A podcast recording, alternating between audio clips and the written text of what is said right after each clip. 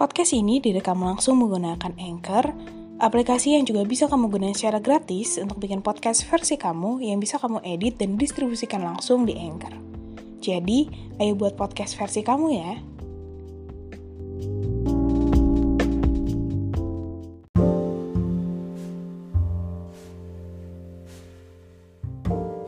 Hai, selamat datang podcast Belajar Menjadi Dewasa bersama gue Nathan. Kita nikmatin prosesnya ya.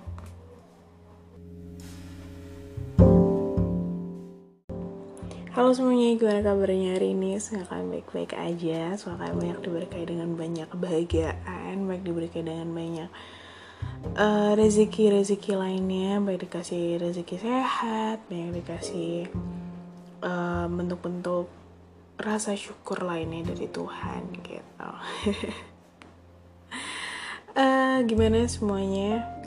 Kabar kalian? Semoga kalian baik-baik aja Semoga nggak ada yang merasakan rasa sakit yang begitu sakit.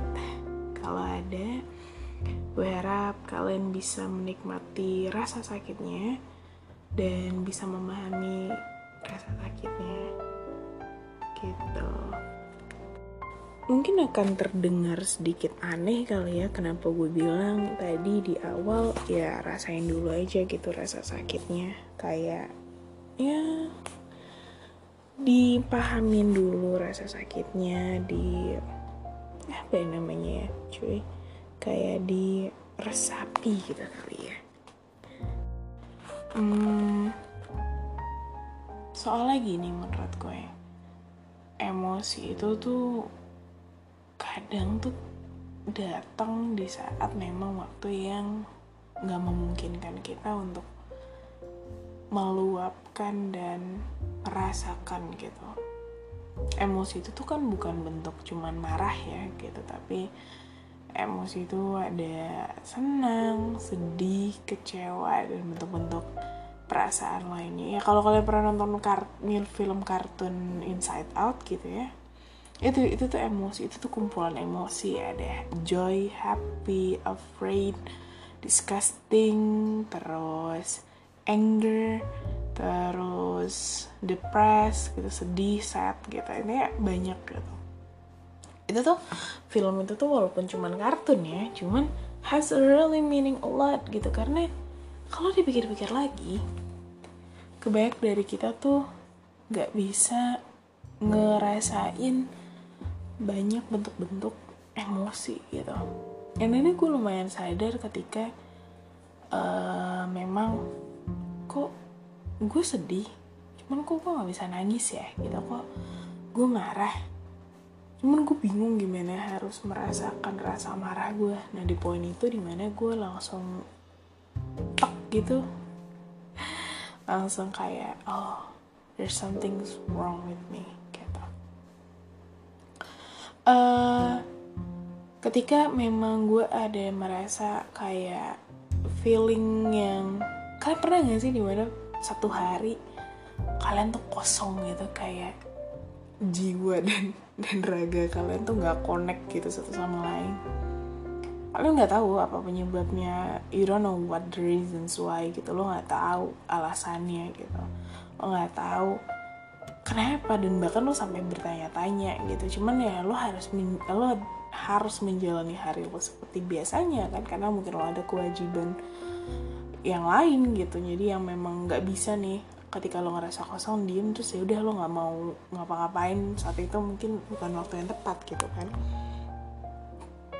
Dan gue rasa itu kayaknya ada hubungannya soal gimana lo bisa mengatur emosi dan ngerasain emosi sih menurut gue gitu. Karena semakin kita beranjak dewasa kita semakin dipaksa untuk nahan bentuk-bentuk emosi yang datang ya dalam diri kita kayak rasa marah, rasa sedih, rasa yang paling sering kita dipaksa untuk menahan mungkin rasa sedih dan rasa marah kali ya gitu. Uh, lagu lagu takut tambah dewasa yang yang pun tuh banget banyak di remix. Sebenarnya jadi salah satu lagu yang menurut gue cukup um, buat gue apa ya namanya ya buat gue bisa relate lah gitu kayak di, semakin gue bertambah dewasa gitu ya semakin kita bertambah umur itu gue kalau gue sendiri tuh kalau bisa tuh setiap tahun ya setiap gue ulang tahun gitu gue tuh selalu berharap boleh nggak sih umur gue di sini dulu aja dengan jangka waktu yang lama gue belum siap untuk di tahap selanjutnya gitu. Gue belum siap untuk the next levelnya kehidupan gitu ya kalau kata orang-orang. Karena semakin kita uh, beranjak usia semakin kita dihadapkan dengan banyak problematika dihadapkan dengan banyak bentuk karakter orang gitu ya dihadapkan dengan banyak permasalahan dan segala macamnya emosi itu udah bukan lagi yang ngatur kita memang. Mungkin kalau saat kita masih masih masa-masa SMP SMA dan dan masa-masa remaja mungkin um, emosi itu mungkin sama pikiran tuh bisa lah connect walaupun kadang ya sulit juga dan lebih pasti dominan di rasa gitu kan di emosi. Karena kan belum punya tanggung jawab yang lebih gitu loh. Belum punya tanggung jawab yang wah banget. Mungkin zaman dulu ya mungkin kalau zaman sekarang udah beda lagi. Gen Z dan segala macam ngomongin soal Gen Z nih ini sekalian selewat aja. Uh, bahkan anak umur 13 tahun pun sudah sangat aware soal mental health gitu loh. Di Twitter gue baca beberapa hari lalu uh, ada jadi gini sih anak gue gak tau kayaknya dari beberapa dari kalian harusnya ada yang tahu sih kalau kalian beneran eh, kalau kalian lewat di timeline Twitter ya gitu. Si adik ini tuh pengen jualan hasil prakteknya dia deh kayaknya gitu ke kakak sepupunya. Si kakak sepupunya ini bilang kalau misalnya dia bisa speaking dalam bahasa Inggris maksudnya bahasa Inggris untuk promosiin jualannya dia bakal beli dua gitu. Terus dibales sama si anak umur 13 tahun ini dengan kata-kata bentar ya kak kita lagi diskusi dulu ini tuh overwork atau enggak?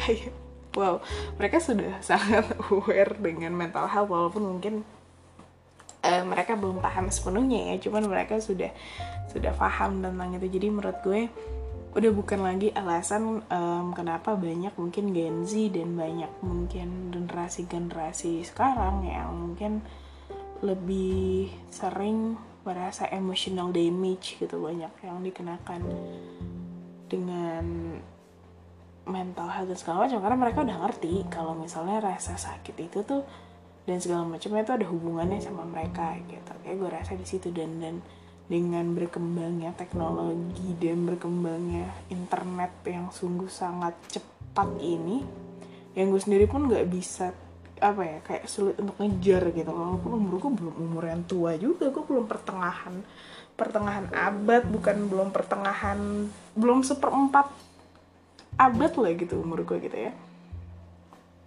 Tapi udah rasanya capek banget gitu ngikutin semua teknologi dan ngikutin semua tren walaupun memang kita kan manusia sebisa mungkin kan mempelajari apa ya namanya ya mempelajari terus perkembangan yang ada gitu kan.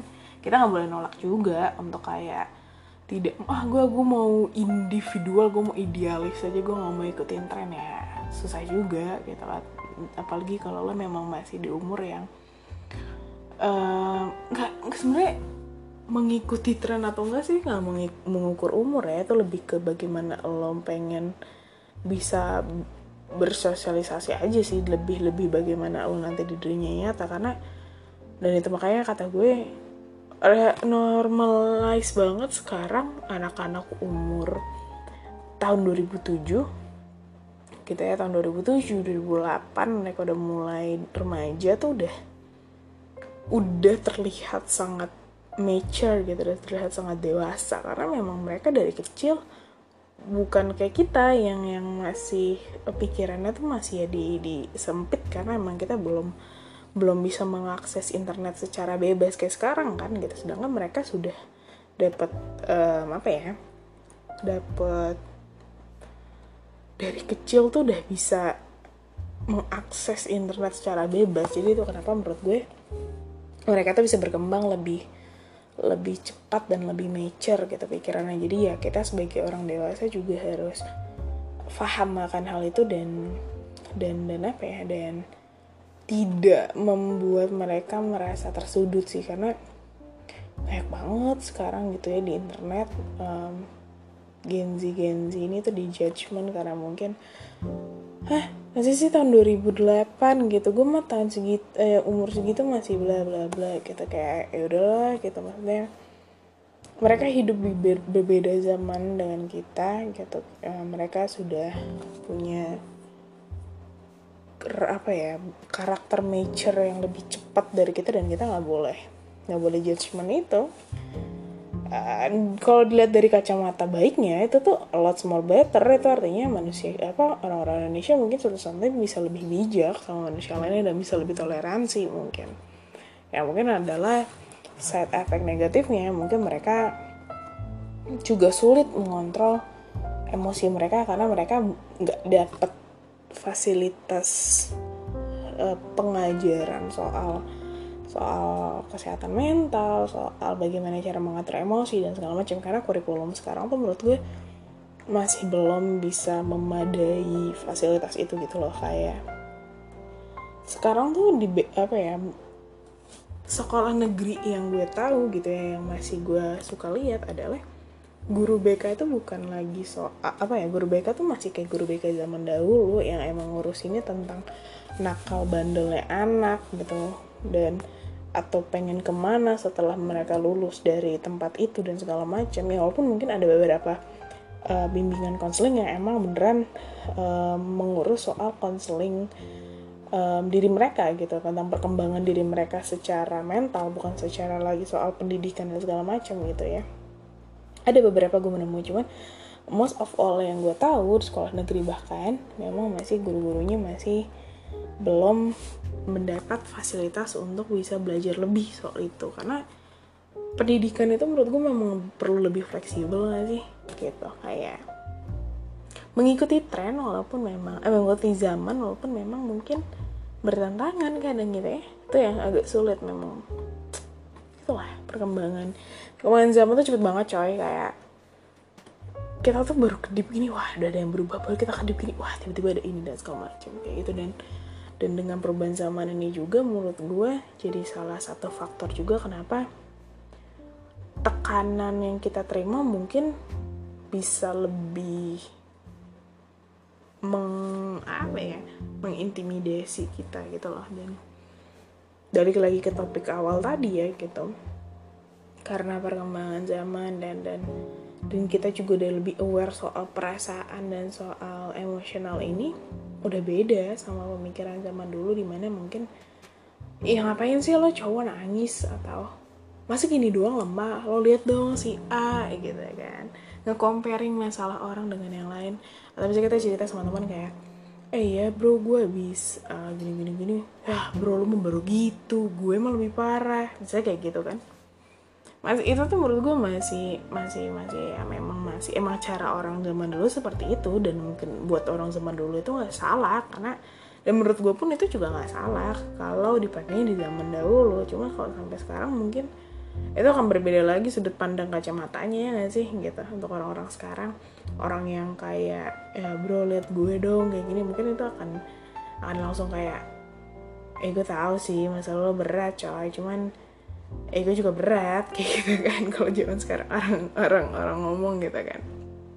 Jadi emang menurut gue um, dengan perkembangan zaman ini juga kita bisa lebih aware lagi sama emosi ini ini itu dan kita bisa lebih mengerti tentang mental health. Dengan kita mengerti men tentang mental health di situ juga kita notice kayak perasaan yang datang ketika ada situasi-situasinya gitu kayak misalnya ketika lo memang lagi merasa sedih banget karena mungkin lo ngelakuin satu kesalahan or what tapi keadaan tuh nggak bisa bikin lo untuk ngeluapin emosinya atau bahkan meresapi lo harus dipaksa profesional karena kerajaan lo dipaksa profesional karena lo harus melakukan kewajiban lo dan dan esentral dan lain-lainnya lah gitu.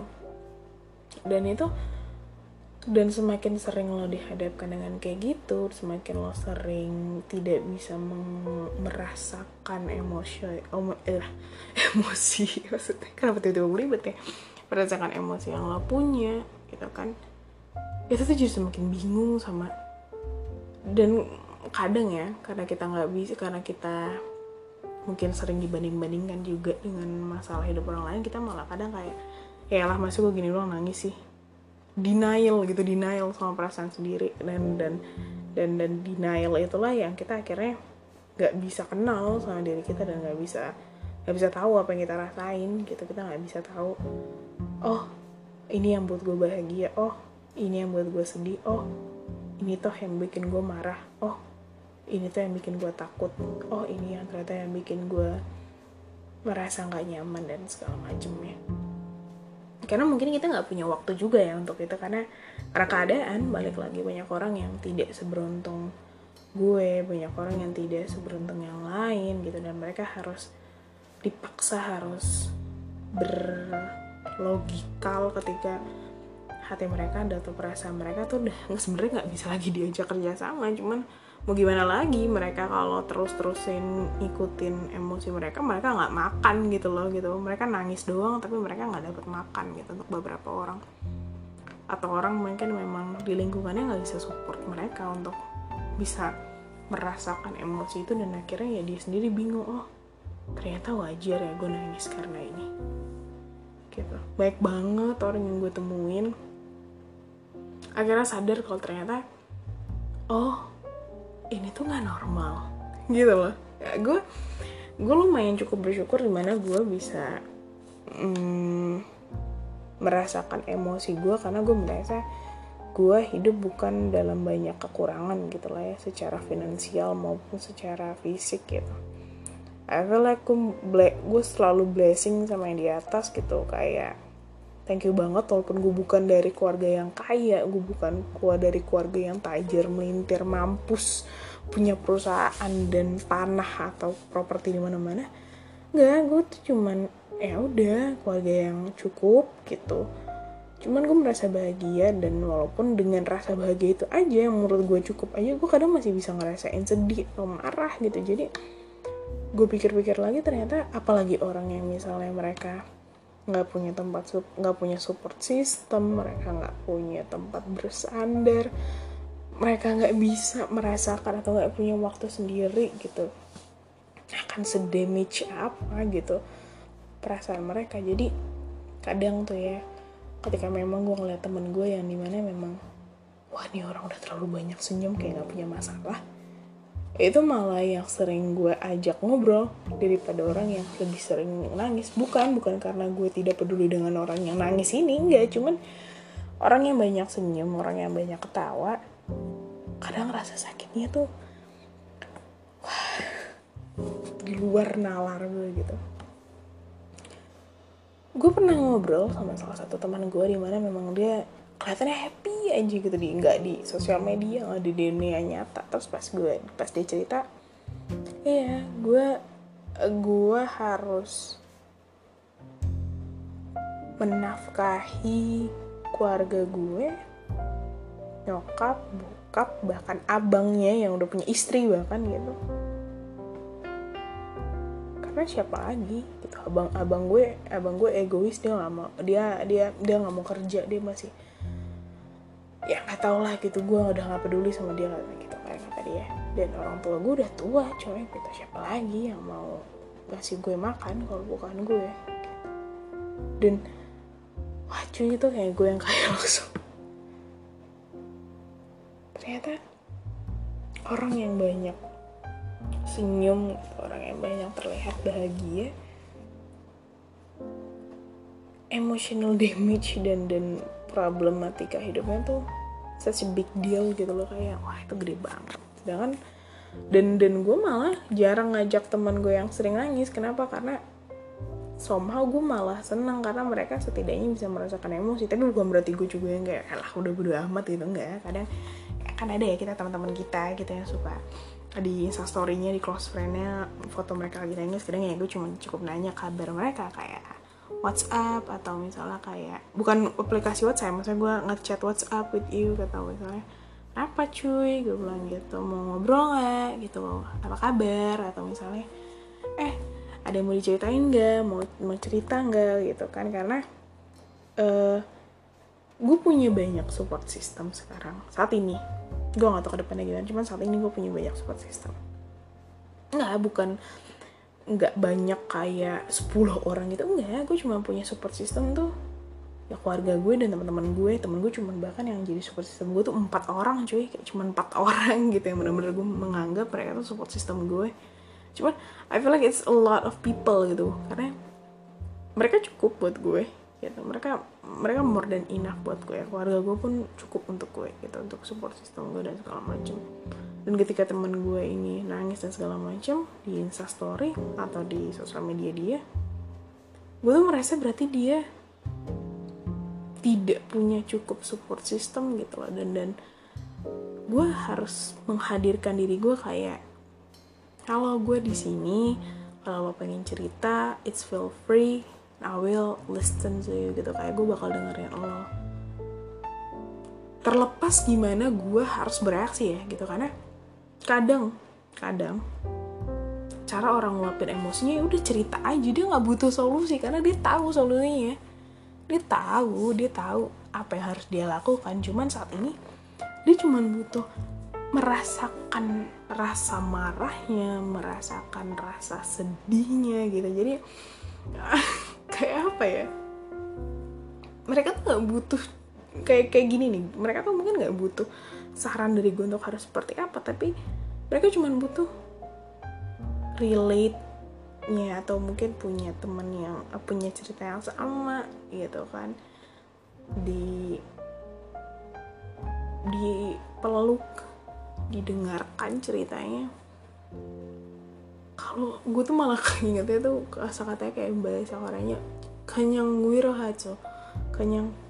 Ah gue gak tahu itu bener atau enggak cuman pokoknya dia cuman di dipuk-puk gitu kayak cuman di didengarkan dan di disemangatin gitu udah. Mereka beberapa dari mereka tuh cuma butuh itu karena mereka tahu apa yang harus mereka lakukan. Mereka tuh paham betul apa yang mereka alamin cuman mereka nggak punya tempat untuk cerita gitu. Mereka mereka nggak punya support system itu kurangnya support system itu. Jadi itu kenapa uh, ketika gue tahu teman gue sedih atau apa mau seenggak atau deketnya gue sesering atau seenggaknya gue sama dia um, chattingan atau ketemu atau ngobrol gue tetap tanya kayak lo kenapa? Gitu mau cerita nggak? Gitu. Kalau nggak nggak apa-apa cuman if you want to tell something cuman mau didengerin I'm here gitu. Mau nelfon atau mau chatting it's okay. Atau mau ketemuan langsung pun it's better mungkin gue bilang.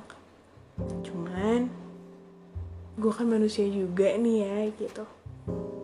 Gue juga pasti adalah di masa-masa gue ngerasa sedih. Dan gimana sih cara nanggepinnya ketika gue lagi sedih gitu. Lagi lagi nggak bisa nanggepin dan harus menanggapi orang kan gue gak enak juga ya karena kita harus berpura-pura. Gue juga bilang sama dia kayak eh sorry saat ini gue lagi nggak bisa nanggepin cerita lo karena gue sibuk. Kadang gue kalau misal sama orang yang nggak begitu deket gue ngomong gue sibuk uh, besok ketemuan aja atau besok ngobrol gimana? Gue bilang um, atau enggak kalau lo emang ngerasa udah sakit banget atau ngerasa pengen banget cerita chat aja di sini gitu. Nggak usah peduliin gue akan baca atau enggak gue pasti baca. Dan nggak usah pikirin apa tanggapan gue karena itu nggak penting. Yang penting lo nya lega dulu gue bilang. Dan nanti mungkin akan gue balas gitu besok atau kapan. Karena sekarang kondisinya sepertinya gue nggak memungkinkan. Cuman gue nggak masalah gitu kan. Untuk lo udah lo chatting aja panjang lebar di chat gue. Gue nggak peduli yang penting lo lega. Gitu. Ada kayak gitu. Jadi nggak bisa juga setiap saat gue dengerin temen gue atau orang-orang sekitar gue untuk selalu cerita ke gue ketika gue memang lagi nggak di posisi yang apa ya yang memungkinkan mereka untuk menghibur mereka gitu loh karena bahkan gue sendiri pun mungkin lagi butuh saat itu. Ketika emang teman dekat gue gue bilang coy sore nih gue kayaknya juga lagi nggak nggak nggak ini nggak lagi nggak sadar gue bilang. Gue kayaknya lagi nggak nggak bener nih jadi besok aja kita ketemuan gimana kita ngobrol bareng. Biasanya kayak gitu kalau gue karena most of them kebanyakan teman-teman deket gue lebih pengen ketemu sama gue karena kadang kita ya udah saling saling bukan mengadu nasib tapi saling menceritakan nasib gitu kali ya. Gue nggak pernah mengadu nasib gue dengan orang lain gitu karena menurut gue buat apa juga? Hidup gue dengan hidup dia latar belakangnya udah beda ngapain lagi gue adu gitu? Itu kan kayak bukan apple to apple gitu diadunya. Udah beda jadi ketika memang seseorang emang udah merasa sulit menerima untuk merasakan emosinya it's time to you to know yourself more gitu ketika lo nggak bisa lagi ngerasain emosi itu. Nangis gitu ya rasa sedih maksudnya. Atau rasa rasa marah. Gue rasa lo perlu waktu untuk ngobrol sama diri sendiri gitu loh. Ada banyak cara gimana ngobrol sama diri sendiri cuman here's my ways gitu. Biasanya gue eh ini kayak sering sih ngomongin di podcast gue gue bisa nulis. Itu paling pertama. Kalau misalnya emang ngerasa wah ini udah gimana nih gue caranya? Gue nulis. Karena ketika gue nulis dan gue sadar kejadiannya gitu kan mungkin kejadiannya terlalu cepat buat gue atau mungkin kejadiannya nggak bisa gue proses. Atau misalnya perasaan ini nggak bisa gue proses gue tulis. Baru ketika gue menulis itu gue bisa merasakan emosi gue itu kayak more myself lebih aja gitu terus. Atau sesimpel ya udah tetap tatapan aja sama diri sendiri di kaca kayak orang bego gitu kali ya. Tatapan aja sama diri sendiri gitu di kaca dan kayak terus kayak lo gimana perasaan lo? Sedih? Sedih? Marah? Ah, cuman yang paling efektif buat gue memang nulis sih. Kayak misalnya ya gue hari ini gue sedih. Uh, kayak kayak anak anak SD aja nggak apa-apa. Lebay dan alay cuman itu efektif loh buat gue. Mungkin gue alay kali dari sana ya. Uh, gue sedih hari ini. Gue sedih karena A B C D E. Gue nggak kenapa orang-orang kayaknya nggak bisa paham sama gue gue nggak apa-apa. Gue luapin aja semuanya gitu. Cuman memang kita sebagai orang yang terus beranjak dewasa dan ada di posisi yang mungkin umurnya udah bukan lagi kayak anak kecil gitu ya kita harus tahu sih. Dan harus bisa paham waktu-waktu di mana lo bisa lo lo baru bisa mengekspresikan emosi lo. Karena nggak bisa coy. Misalnya gini lo lagi ada kerjaan atau lagi ada di rapat apa terus lo lagi ngerasa sedih udah terus langsung lo bikin semua suasananya sedih kan rasanya nggak enak gitu. Lo lo you're not being professional gitu. Dan itu bukan lagi soal orang nggak bisa paham sama lo tapi lo nggak bisa paham orang lain gitu. Jadi lebih baik ya lo mendingan pergi ke toilet lo kelarin nangis lo atau lo pergi ke mana dulu lo nangisin dulu atau lo rasain demos lo baru lo balik lagi as a professional person. Karena belajar dari pengalaman ya ketika gue terlalu gue nggak bisa tahu tempat ketika gue meluapkan perasaan gue itu kayak ngurus banget buat gue. Seriusan deh itu suatu hal yang mungkin gak pernah pengen gue lakuin lagi dan gue menyesal semenyesal menyesalnya. Jadi gue gue uh, gue kesel sama satu orang. Gue gue bener-bener sama dia karena gue menurut gue lo kenapa? Apa masalah lo sama gue gue gue dia dia ibaratnya kayak cari gara-gara lah gitu ya sama gue ibaratnya gitu. Dan gue nggak tahan gitu dan gue langsung watatatata gitu. Gue langsung ngerubah apa ya di tempat rame gue langsung memaki-maki dia dan langsungnya langsung kayak penyesalan datang di akhir. Karena gue kenapa nggak gue ajak dia ribut aja sendirian di lapangan gede gitu emang bisa gue marah gitu. Atau keep it classy gitu jadi dia mungkin bisa lebih takut sama gue gitu dan segala macam. Jadi itu salah satu bentuk penyesalan gue sih ketika gue nggak bisa kontrol emosi gue cuman ya mungkin sedih sedih banget sakit banget cuman what we can do. Gak semua masalah kadang ada jawabannya. Gak semua gak semua masalah kadang ada solusinya. Kadang ya udah cuman cukup kita terima dan life must go on gitu. Show must go on. Gimana sih? Kalau kata orang semua masalah pasti ada solusinya. Menurut gue not all of them gitu loh. Kayak beberapa masalah yang memang kadang ya udah kita dipaksa untuk terima dan kita dipaksa untuk paham. Gitu. Pasti pasti ada solusinya sih yang mungkin memahami itu ya. Cuman bukan bentuk dalam solusi bener-bener sol meaningnya solusi ya gitu. Jadi ya untuk kalian yang semakin dewasa semakin tidak bisa merasakan emosi gue pikir it's time to you to talk with it to talk with yourself dan dan know yourself more gitu untuk bicara sama diri lo sendiri dan lebih tahu tentang diri lo sendiri karena mungkin itu jadi salah satu cara lo untuk bisa lebih kuat sih dan bisa lebih yakin sama diri sendiri kalau oh, gue tuh keren banget coy gila. Gitu ya gue harap dengan adanya podcast ini juga kalian yang lagi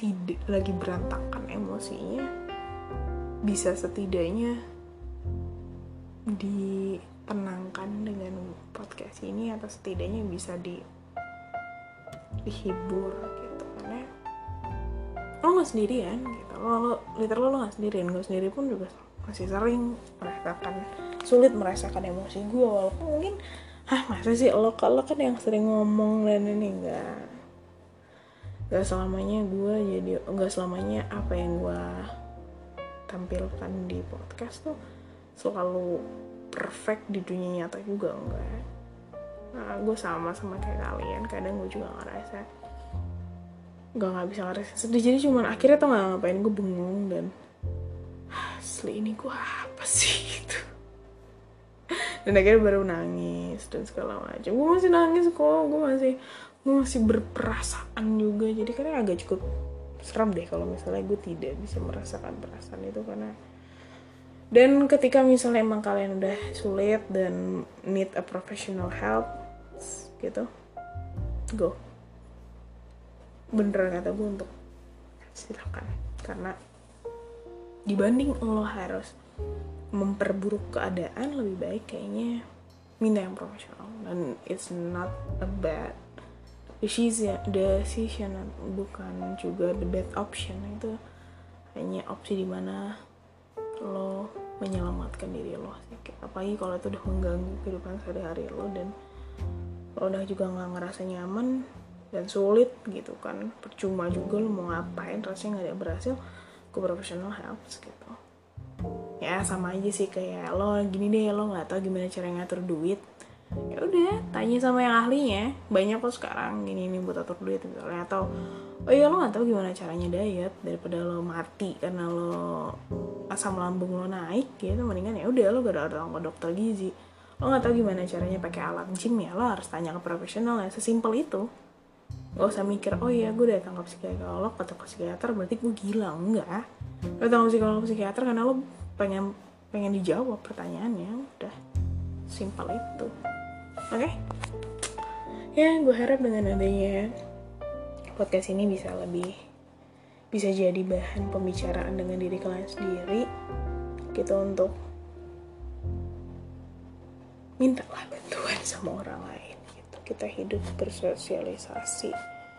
Ini other people's too gitu. Kayak apa ya yang gue baca kemarin ini menurut siapa ya?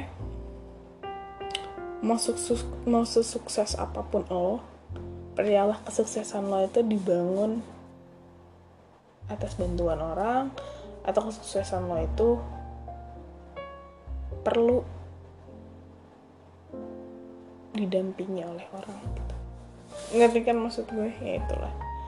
Mau dari lo merintis lo butuh orang. Ketika lo udah mulai stable lo di lo perlu punya orang untuk ngawasin itu. Ketika lo udah stable lo perlu orang untuk ngayomin lo. Ketika lo udah di atas perlu ada orang yang bisa terus ngedorong lo gitu. Atau maksudnya terus nge terus ada di belakang lo jadi jangan takut untuk minta bantuan sama orang. Kalau emang lo ngerasa lingkungan lo nggak ada yang bisa lo bantuin ya to professional help atau boleh DM gue. Wah gila keren banget ya. Gue DM gue banget. Gitu di belajar di Instagram at belajar menjadi dewasa underscore. Ada kan you can email me guys di belajar dewasa 65gmail.com itu terbuka banget untuk siapa pun untuk didengarkan oleh gue ceritanya mau atau ada enggaknya solusi dari gue yang penting sing kamu lega gitu. Oke? Saya di sisi Dendro Podcast semoga kalian senang sama podcastnya semoga kalian bisa dihiburkan dengan podcast ini. Now I'll see you guys in the next podcast. Bye bye semuanya sehat-sehat